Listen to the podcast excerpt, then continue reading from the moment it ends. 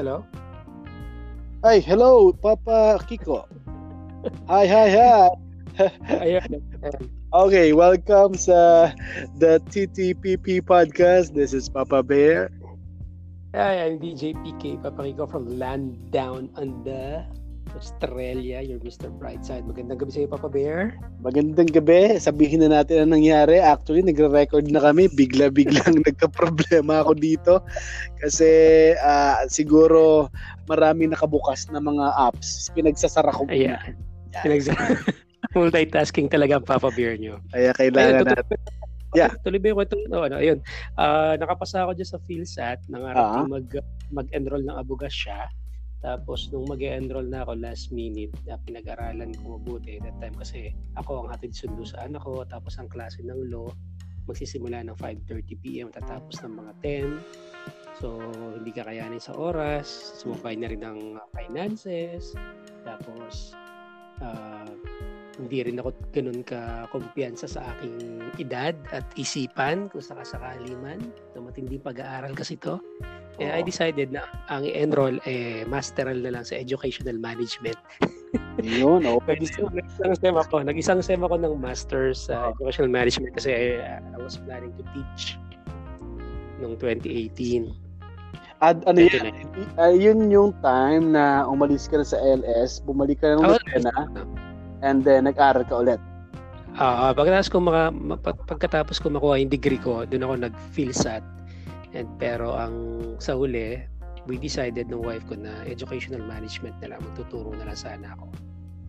Ayun. Eh, bigla namang uh, pumasok na tong buhay Australia. Ah, okay. Uh, ibig oh. sabihin, ang plano mo talaga, mag-teach ka na lang. Pero bigla-bigla, uh, oh. dumating yung opportunity dyan sa Australia, green up mo na yun. Oo.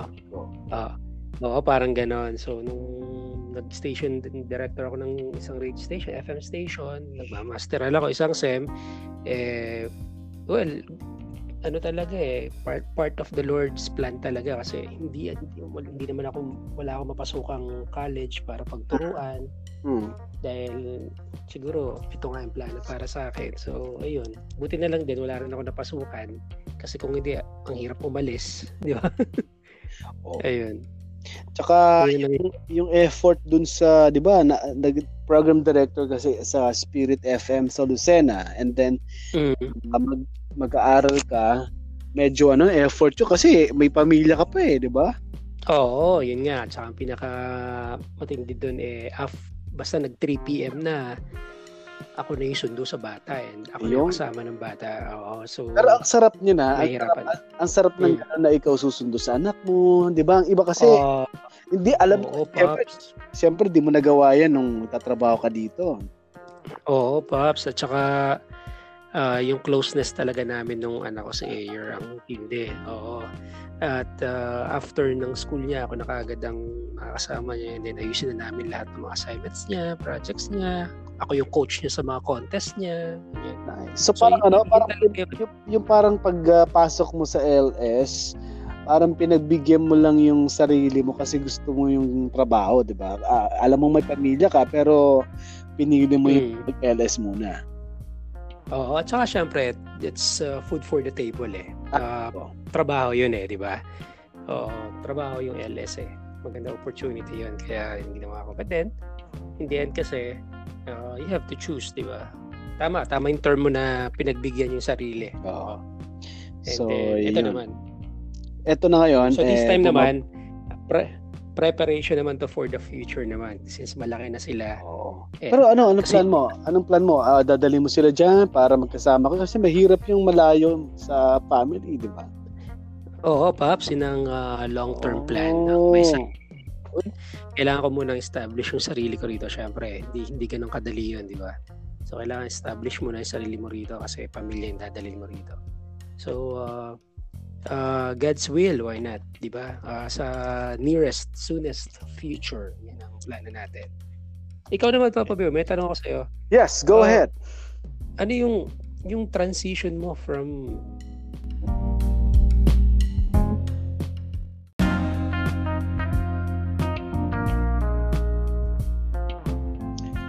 Well, um, sa tanong mo Papa Kiko, hello Papa Kiko?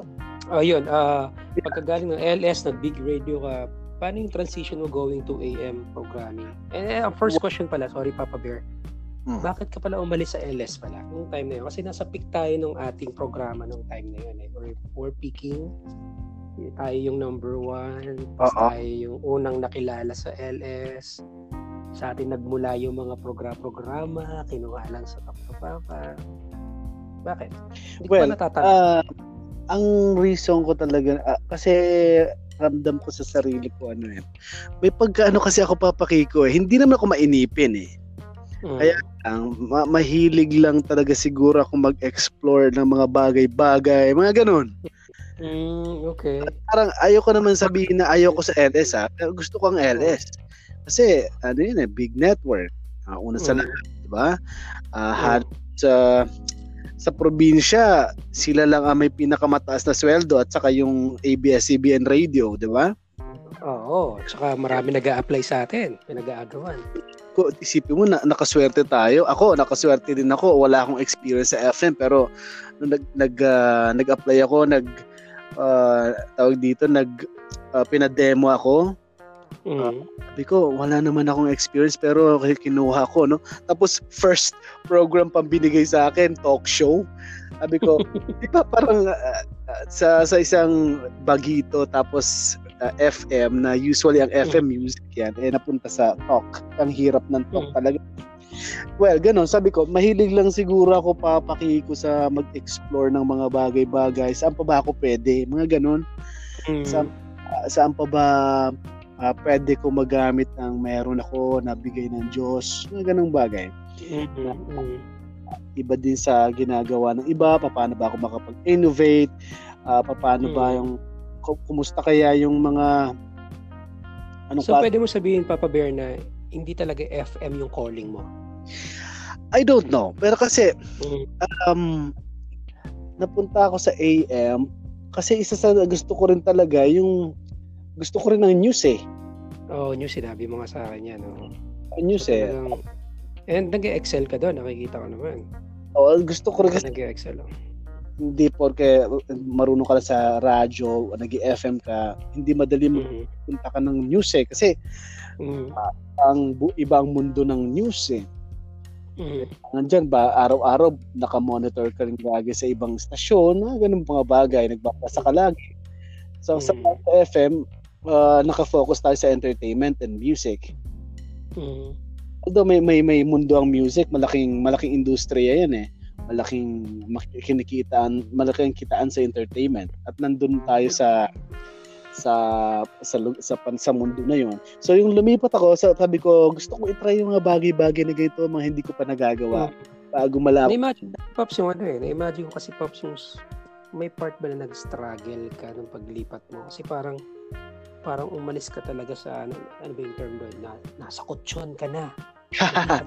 Panig, di ba? Yung mga ganun. Uh, may, sa papa. Oh. Yeah, oo, Pops. Kasi nawala yung mga hosting jobs ko eh. Di ba? Mm-hmm. Tayo may mga, mga marami, tech, maraming, yeah, maraming hosting jobs, may mga artist, may mga manager ng mga artist lumalapit sa atin eh. So, mm. lipat ako dun sa isang FM, wala, wala, wala. At uh, pang, mm lang mga ano mga 40 days mga ganyan. Alam ba ang 40 days? Ano yung 40 days? Yun yung pang pang 40 days nang namatay pero pero biro lang yun pero biro lang yun. Ang ano lang mga maliliit na mga gigs lang siguro mga mm. pero uh, ano naman uh, na-enjoy ko naman kahit uh, in-enjoy ko yon kahit mm, mm. Ma- ma- malikot lang siguro ako. Gusto ko lang na may mga bagong nagagawa. And then, uh, At saka ano talaga, yung, yung may meron ka talagang courage na tao. Eh, no? Ikaw talaga yung taong nakita ko na naninindigan sa sarili mong desisyon. Meron kang sariling say sa lahat ng bagay. Hindi ka madadala ng kahit sino. Yun, yun talaga yung naging ano ano mo sa akin eh, dating, naging pagkakakilala. Yes. Oo. Thank you, thank you. Tapos mm, para parang uh, yun, pag, pag may napag-isipan ako isang bagay, gusto ko, pa, ginusto mo to, panindigan mo yan. Kaya mag-struggle mm. ka yan, ano mangyari sa'yo, mm. uh, uh, go ahead, ginusto mo yan eh. And then after... Kaya, kaya Papa Bear, ano eh, maputo lang ito. Kaya yung personality mo talaga, Papa Bear, yun yung nagpaiba sa Talk to Papa eh. Nung time talaga ng nagto-talk to Papa tayo, ikaw talaga yung bumanat ng bumanat. Ako yung nag-iisip ng idea, pero ikaw talaga yung babanat. Tapos, babanatan mo yung ano, ilalabas mo yung personality mo na iba ako, kakaiba ako, wala makakapigil sa akin, itong gusto kong sabihin. Kaya sobrang sobrang pumatok tayo no, no? Kasi ang ang background ko kasi talaga FM programming, mascom ako, naging DJ ako, ang ko ng radio bago mag-LS eh. Pagdating sa iyo, talk show tayo. Nilagyan mo ng ibang flavor talaga. Alam mo yung ang lakas ng loob, ikaw lang ang may kaya magsalita noon kaya tayo naging iba talaga eh. Oo. Alam mo, eh, I, I, I, I admit, nung umalis ka talaga, sabi ko kay pa, Sir Glenn, Sir, wala na. Hindi ko na kaya to. Paano na to?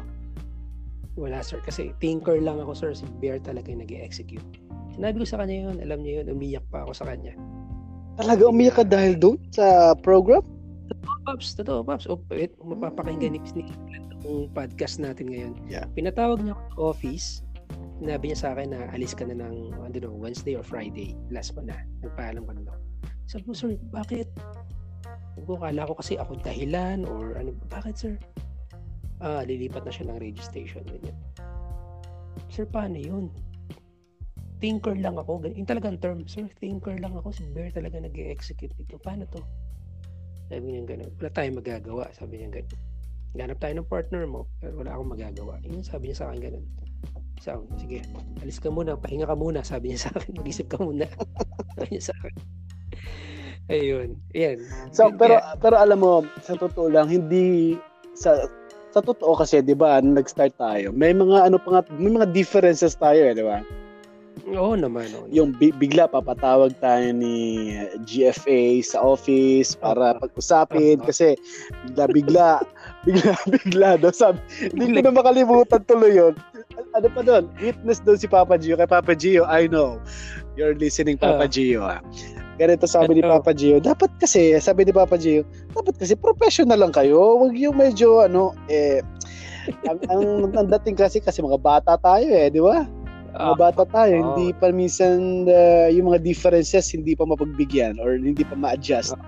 Uh, patawag tayo ni Sir Glenn. Ayusin nyo kasi sabi mm. mo nga, natandaan ko talaga yung line mo. Si Bear kasi, para ba nag tayo? Parang bata tayo sa sa principal's office.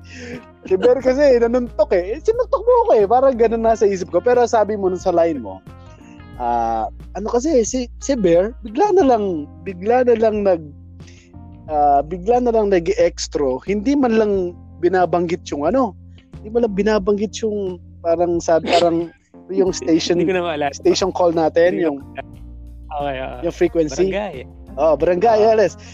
Eh tapos hindi na ako nakasagot ata nun pero ang sa loob-loob ko nun sabi ko bakit ko sasabihin? May mga stinger na nga tayo ulit-ulitin ko pa yung mga ganun. Yun ang nasa sa pag, pag sabi ko pag pag, pag uh, halimbawa, si Sir Glenn question ako, sasagutin ko talaga, Sir Glenn, ang dami-dami uh, nating stinger eh. Pagkatapos ko sabi, may stinger pa, sasabihin ko pa ba yon? Pero hindi na nagtanong Sir Glenn. Parang inayos na yun agad. Parang, oh, sige, ayusin niya, uh, ha? Uh, kayo lang naman uh, nag-usap dyan. Paano, paano maging effective ang program? Pero maganda sa atin, alam mo, kinabukasan, okay ulit, ano? okay na.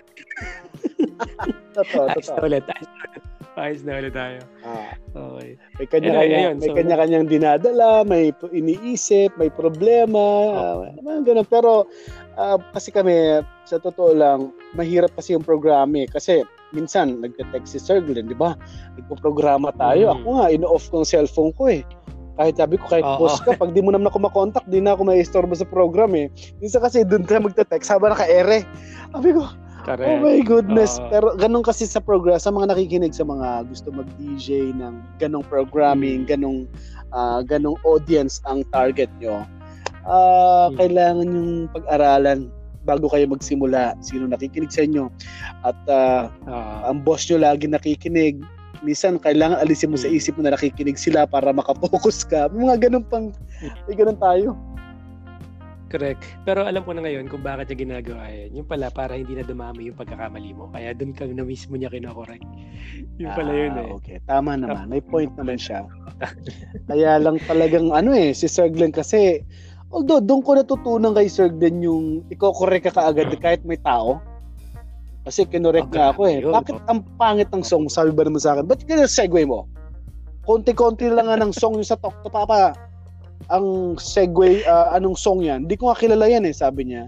Tandaan ko pa yung hmm. song, Smoke Under the Water. Yung... Ay, Pops, sa akin naman. Anong pinakamasakit na sabi sa ni boss? Sige, ikaw. Ano bang sinabi niya sa akin? Akin, Pops, ganito. Sige, sige, sige. Merong, sa akin, Pops, ganito. Uh, off tayo ng Sunday, tama ba? Oo, yung may, Sunday, yung madaling araw, 12 midnight. Hindi, yung sabihin wala na tayong pasok sa Sunday ba? Ay, oo. Oh, Sunday, Sunday, wala tayong pasok. Yun. Saturday may pasok pa. So, after oh, after ng Talk to Papa oh. Saturday, uwi ano tayo, probinsya o saan, di ba? Oh. Ako, after ng Talk to Papa, may hosting. Okay. Racket. Tapos diretsong Lucena. Pagdating ng Lucena, uh, nung uh, meron tayong Tanduay Ram. Mm-hmm, ganyan. Oh. Diretso ako ng Manila, diretso sa hosting ng Tanduay, kung saan man yon Sunday. Kinabukasan, parang nalate ako. Sabi ni Mama Belle, si Sir Glenn galit sa'yo. Kala. Sir Glenn, Glenn. Eh, siya, eh, hindi naman ako kinakausap talaga ni Sir Glenn pag galit siya sa akin eh. So, so, sabi niya ganun.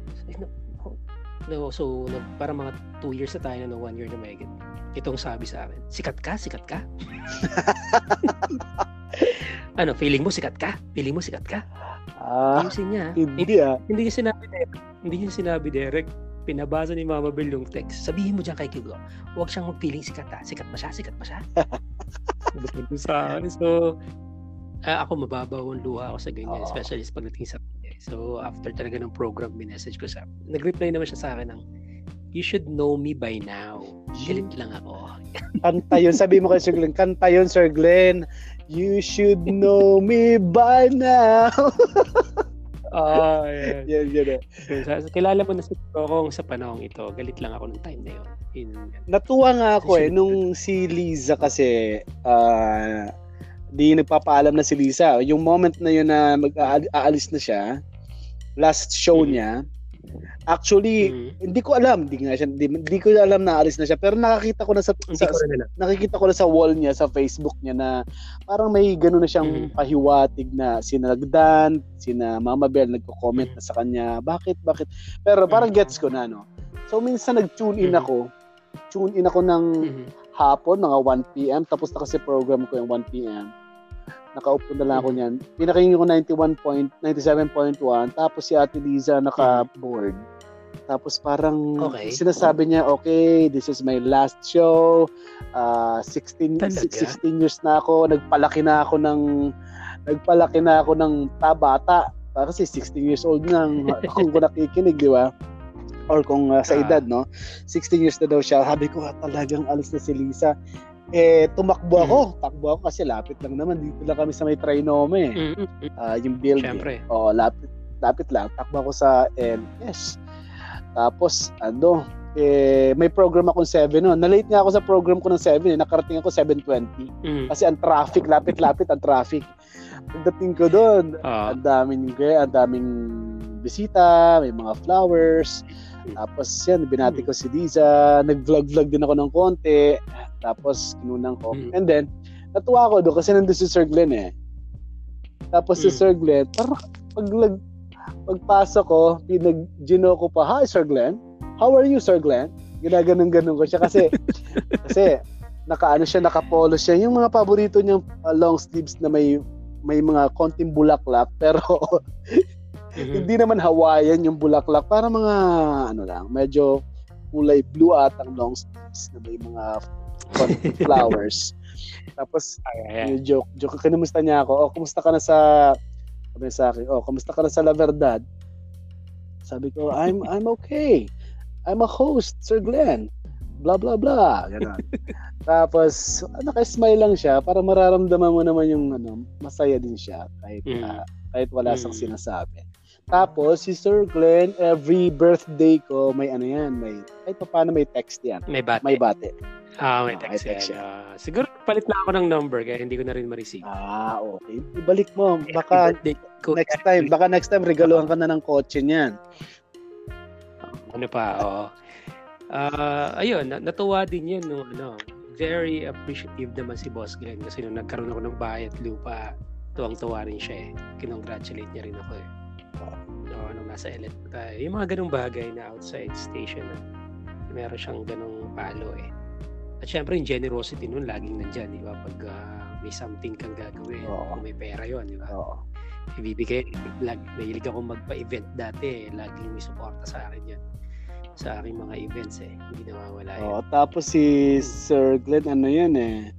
Tuwang-tuwa sa akin yun nung ano, nung uh, inaway ko si Cora. Tuwang-tuwa siya.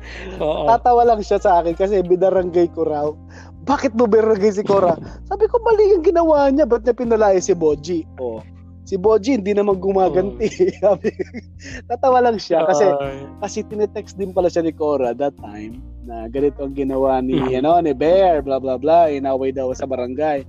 Tapos sabi uh, naman na siya, hindi ko nga ni-reply. Sabi, bakit Sir Glenn? Eh, mali siya eh. Tawa. Oy, sa mga nakikinig, baka, baka na, na na hindi, hindi, hindi na kayo ah. makarelate pero mga private jokes na kami. Pinag-uusapan po namin Sir Glenn. Uh, siya po yung program head dati ng ng uh, barangay 97.1 tapos siya po ngayon yung vice president ng radio ng GMA. Siya po yung nag-assemble sa team namin noong 2008. Yes. Yeah, siya po At yun. ngayon, siya na yung siya na yung head din ng DCWB. Yan yung DCWB, programming yeah. niya yan eh. Kasi nahalata ko yung Oo, oh, binabili siya na ata nag ano, reformat ano? I think so kasi uh, nung time na bago alis yun na yung ginagawa niya. Uh, eh. Tapos siya na tapos naririnig naririnig ko na kina Arnold Clavio binabati siya Sir Glenn ganito uh, happy birthday o kaya okay. uh, uy nanonood si Boss Glenn ganun sila. Ano kaya Pops ah, pangarap kong fallback yan pagdating ng panahon na yung BC double. Oh. Nag ano lang ako, nag self-development, nag-aaral oh. pa, syempre. Uh, para if ever man. Ganda ako, alam mo yan. Kasi hahanapin mo pa rin eh. Bumalik ako ng Pilipinas eh kung may bakante, di ba? Wala akong problema pumalit kay ano, sa madaling araw. si, ay, ano na ngayon ang madaling araw ng DCWB? Yung mga, ano na, si Papa Ah, mga taga oh, mga taga LS na tsaka si Mama Emma, yung partner mo dati sa Mama Talk Papa na madaling araw siya. Hmm. So, sabi ko, itong mga to, parang programming ni Sir Glenn ha, pagkatapos ng isang show, magbabanter yung next DJ. O sila, hmm. yung next anchor, parang magbabanter, blah blah blah, tapos next program na, ganun. Sabi ko, very Sir Glenn, ha? ah, yun ang. Saka maganda, magaling ang DCWB ano eh. Uh, may mga pagbabago compare dati. Habi ko pati yung mga host nila, gamit talagang gamit na gamit hanggang hmm. Saturday pumapasok. Dati hindi naman eh. Hmm. Oh, tsaka maraming pasaway diyan dati. oh, hindi pa pwede kay Boss Glenn yan. Oh. No? Hindi pa pwede kay Boss Matindi Glenn yan. Matindi yan. Anyway, papakiko, puntahan ko na tong latest Sige, Oo. Pops. Ano ba ang latest? Bago tayo mag-goodbye, anong latest? Anong latest? At pakinggan natin ang latest. There you go. Papa Bear, Papa Bear, latest. Ang tagal na nag-play. Hindi na nga masyadong malakas yung audio eh. Dapat ma-improve na to. Anyway, latest. Uh, eto, uh, ito, ano na sa ibang bansa eh, world news na actually. Uh, itong mm. China, yung Wuhan, mm-hmm. after two months, mm-hmm. eh, nagbalik na, mm-hmm. after two months of lockdown, uh, mm-hmm. nagbalik na sila sa normal na uh, buhay. Okay na, pwede oh. na lumabas, pero marami pa rin takot. Ngayon, kino-compare ngayon, marami nag-compare uh, sana uh, magawa ng Pilipinas ang nagawa ng China na 2 months yung lockdown pero talagang walang lumabas stricto pati ang mga security ang mga kanilang uh, authorities talagang seryoso, mm. hinuhuli ang mga nagpapasaway sana magawa doon sa Pilipinas kasi ano na sa China pala ngayon eh uh, kauna-unahang pagkakataon uh, walang walang mm. natalang positive ng COVID-19. Oo nga eh. Oo. Yeah, yeah. Tap, Yun nga pinagtatawanan kung... namin ng ate ko kanina. Oo. Na doon nang galing. Tapos biglang wala na. Tapos ngayon, hirap na hirap, hirap na hirap pa yung ibang bansa, pero sila okay oh, na. na agad. Parang nasaktan lang eh. Tapos doon, COVID-19. Sa Pilipinas, COVID-14 na lang. COVID. Biglang nawala yung 5. Sabi nagko-comment. Tawa ko ng tawa sa mga comment sa video ni ano na yun eh. Si, ano ba yun? Si Lani hmm. Mercado. Michelle Michelle. Sabi niya, Uy ma'am, nasaan po yung 5? COVID-5 na wala po ba? Yan. Ano, eh, pangalawang uh, latest dito, itong uh, marami pa rin galit sa administration dahil nagbitaw si Pangulong Duterte na wala ng pera, wala siyang maraming maraming mm-hmm. pera, nangangamba siya na sabi niya mm-hmm. inaatasan niya ang Department of Budget na maghanap ng pera. Wala siyang pakialam kung gusto niya magnakaw. Pero alam mo kasi ang na, nasaktan lang din ako. Hindi naman sa uh, Maka Duterte ako, no? Hindi ako DDS eh. Pero tinitingnan ko lang yung the way siya mag mag-decide or mag mag mag uh, mag-lead. Sabi ko, yung sinabi niyang bahala ka kung gusto magnakaw ka basta kailangan natin ng pera. Uh, ang inuutusan niya ang uh, finance, ang Department of Finance. Mm-hmm sabi niya, marami na naagad nag ano, marami ng comments na ah, Naku, inuutos sa magnakaw. Ano ba naman yan? Bakit naman papagnakawin? Pero mm. ang, ang take ko noon, kung ako magte-take noon, gumawa ka ng paraan kasi wala na tayong pera. Naglabas na ng billion of, of pesos. Naglabas na tayo, namimigay na tayo sa mga maaabutan. Ang take ko noon, parang gagawa ka ng paraan. Hindi ko na kailangan ng marami pang sasabihin. Parang ganun. Mm. Parang uh, kasi wala na, paubos na ang budget natin. So, yun, uh, binabanatan mm. din ng administration, of course. Uh, at saka ang medyo light ko ngayon, yung nagte-trending na video ni Robredo at saka ni Duterte. Ang love team nila. Alam mo ba yung love team nila? Ano? Ang ang love team nila ay uh, Do Duterte Robredo. Do. Ah. Pag-isan mo nga, Do, Duterte Robredo. Do, do, Dobredo. Dobredo Pops. Tawa ko ng tawa ng video. Dobredo. Parang ang dating, kasi uh, parang ang dating, kinikilig si Lenny kay Duterte. So, hmm. lahat ng mga videos pinag-cut-cut nung editor, ang galing. Tapos nilagyan ng music galing, na galing. parang ikakasal. Alam mo yung mga presentation bago bago sila yung presentation na uh, mga prenup, prenup. yeah, mga prenup, prenup and then meron naman while nat habang natapos na yung kasal, pinag-compile, pinag-dugtong-dugtong. Ang ganda. Mm-hmm. Kasi si Lenny Robredo, parang kinikilig siya kay Duterte, yung, mm-hmm. yung mga shot niya, sasabihin, ah, hinanda ko naman sarili ko eh, kasi baka hindi niya ako pansinin. Tapos may music na insertion. Tapos nagkakawayan sila, sasakay na si sasakay na si Robredo sa, sa car. Tapos sa kakaway. Hanapin ko yan. Hanapin mo lang, Dobredo. May enjoy ka. Tapos, tamang-tama naman ngayon, parang pinag-aano sila ng tao ngayon eh. Magbati kayo, huwag kayong away.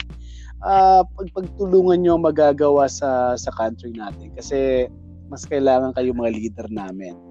Kaya isa pa, lumabas mm-hmm. pa kasi parang parang inacknowledge ni Duterte si Robredo na uh, ganito nga, may ginagawa ka, salamat sa ginagawa mo, nagbibigay ka ng mga dorms sa mga frontliners, meron kang binibigay na food, mm-hmm. ganyan. Uh, inacknowledge si Duterte at uh, may sinibak si Duterte sa isang posisyon na uh, mm-hmm. gustong imbestigahan si uh, si Robredo. Yon ang good news na. Wow. Sabi ko, oh, magandang ano to. Magand ito ang dapat ibalita, sabi ko. Kasi uh, kasi naman pag-aawayin mo pag-aawayin, di ba?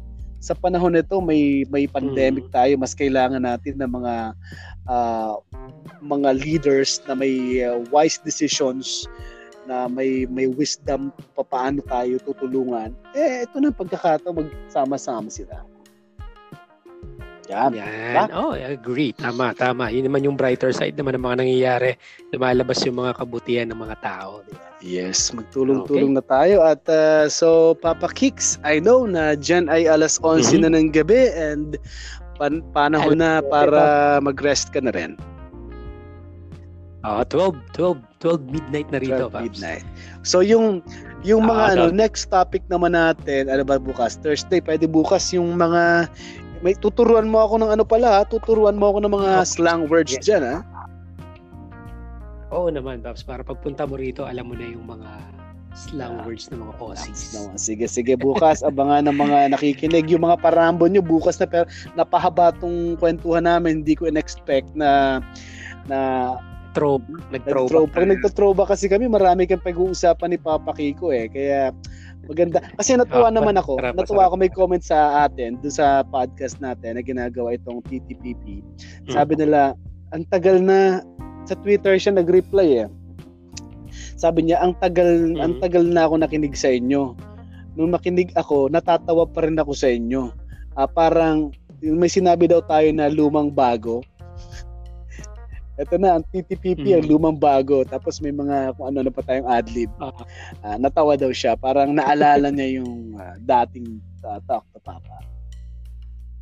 Ah, sige pa, bago tayo mag-goodbye, isang shoutout sure. muna tayo sa mga nagpapa-shoutout sa atin. Si Ed Sieban, Sadi Mendoza, uh, uh, also kay Lady Mint, kay Tata Odinep, kay Jaime Orocay, Marvin Aquino, JB Bonus, si Glenda Bolima, Alian De La Cruz, Nico Bicaldo.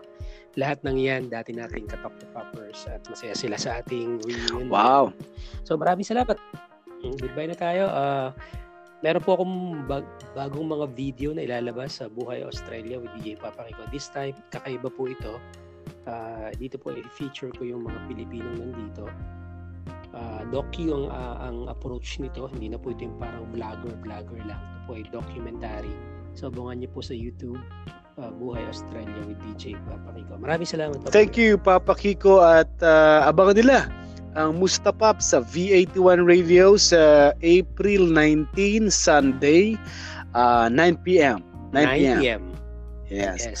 Pantahan yes. nila. Uh, yeah, magbo-broadcast tayo sa V81 na Facebook page, sa website, at uh, YouTube. sa YouTube. Meron din YouTube. Yes, yes. sige. Meron din. Meron Excited din. na ako para dyan sa Musta Pops at featuring Doc F, the frontliner. the flower the flower doctor. doctor. uh, ang dami-daming kayamanan. Uh, sa ano yan, April 19, 9 p.m. sa V81 ang Musta Pops. And thank you, Papa Kiko. Yeah. Thank you, Papa Bear. Have a great night. God bless. God bless us all. Maraming salamat. This is the TTPP podcast. Talk to Papi. Goodbye, everybody.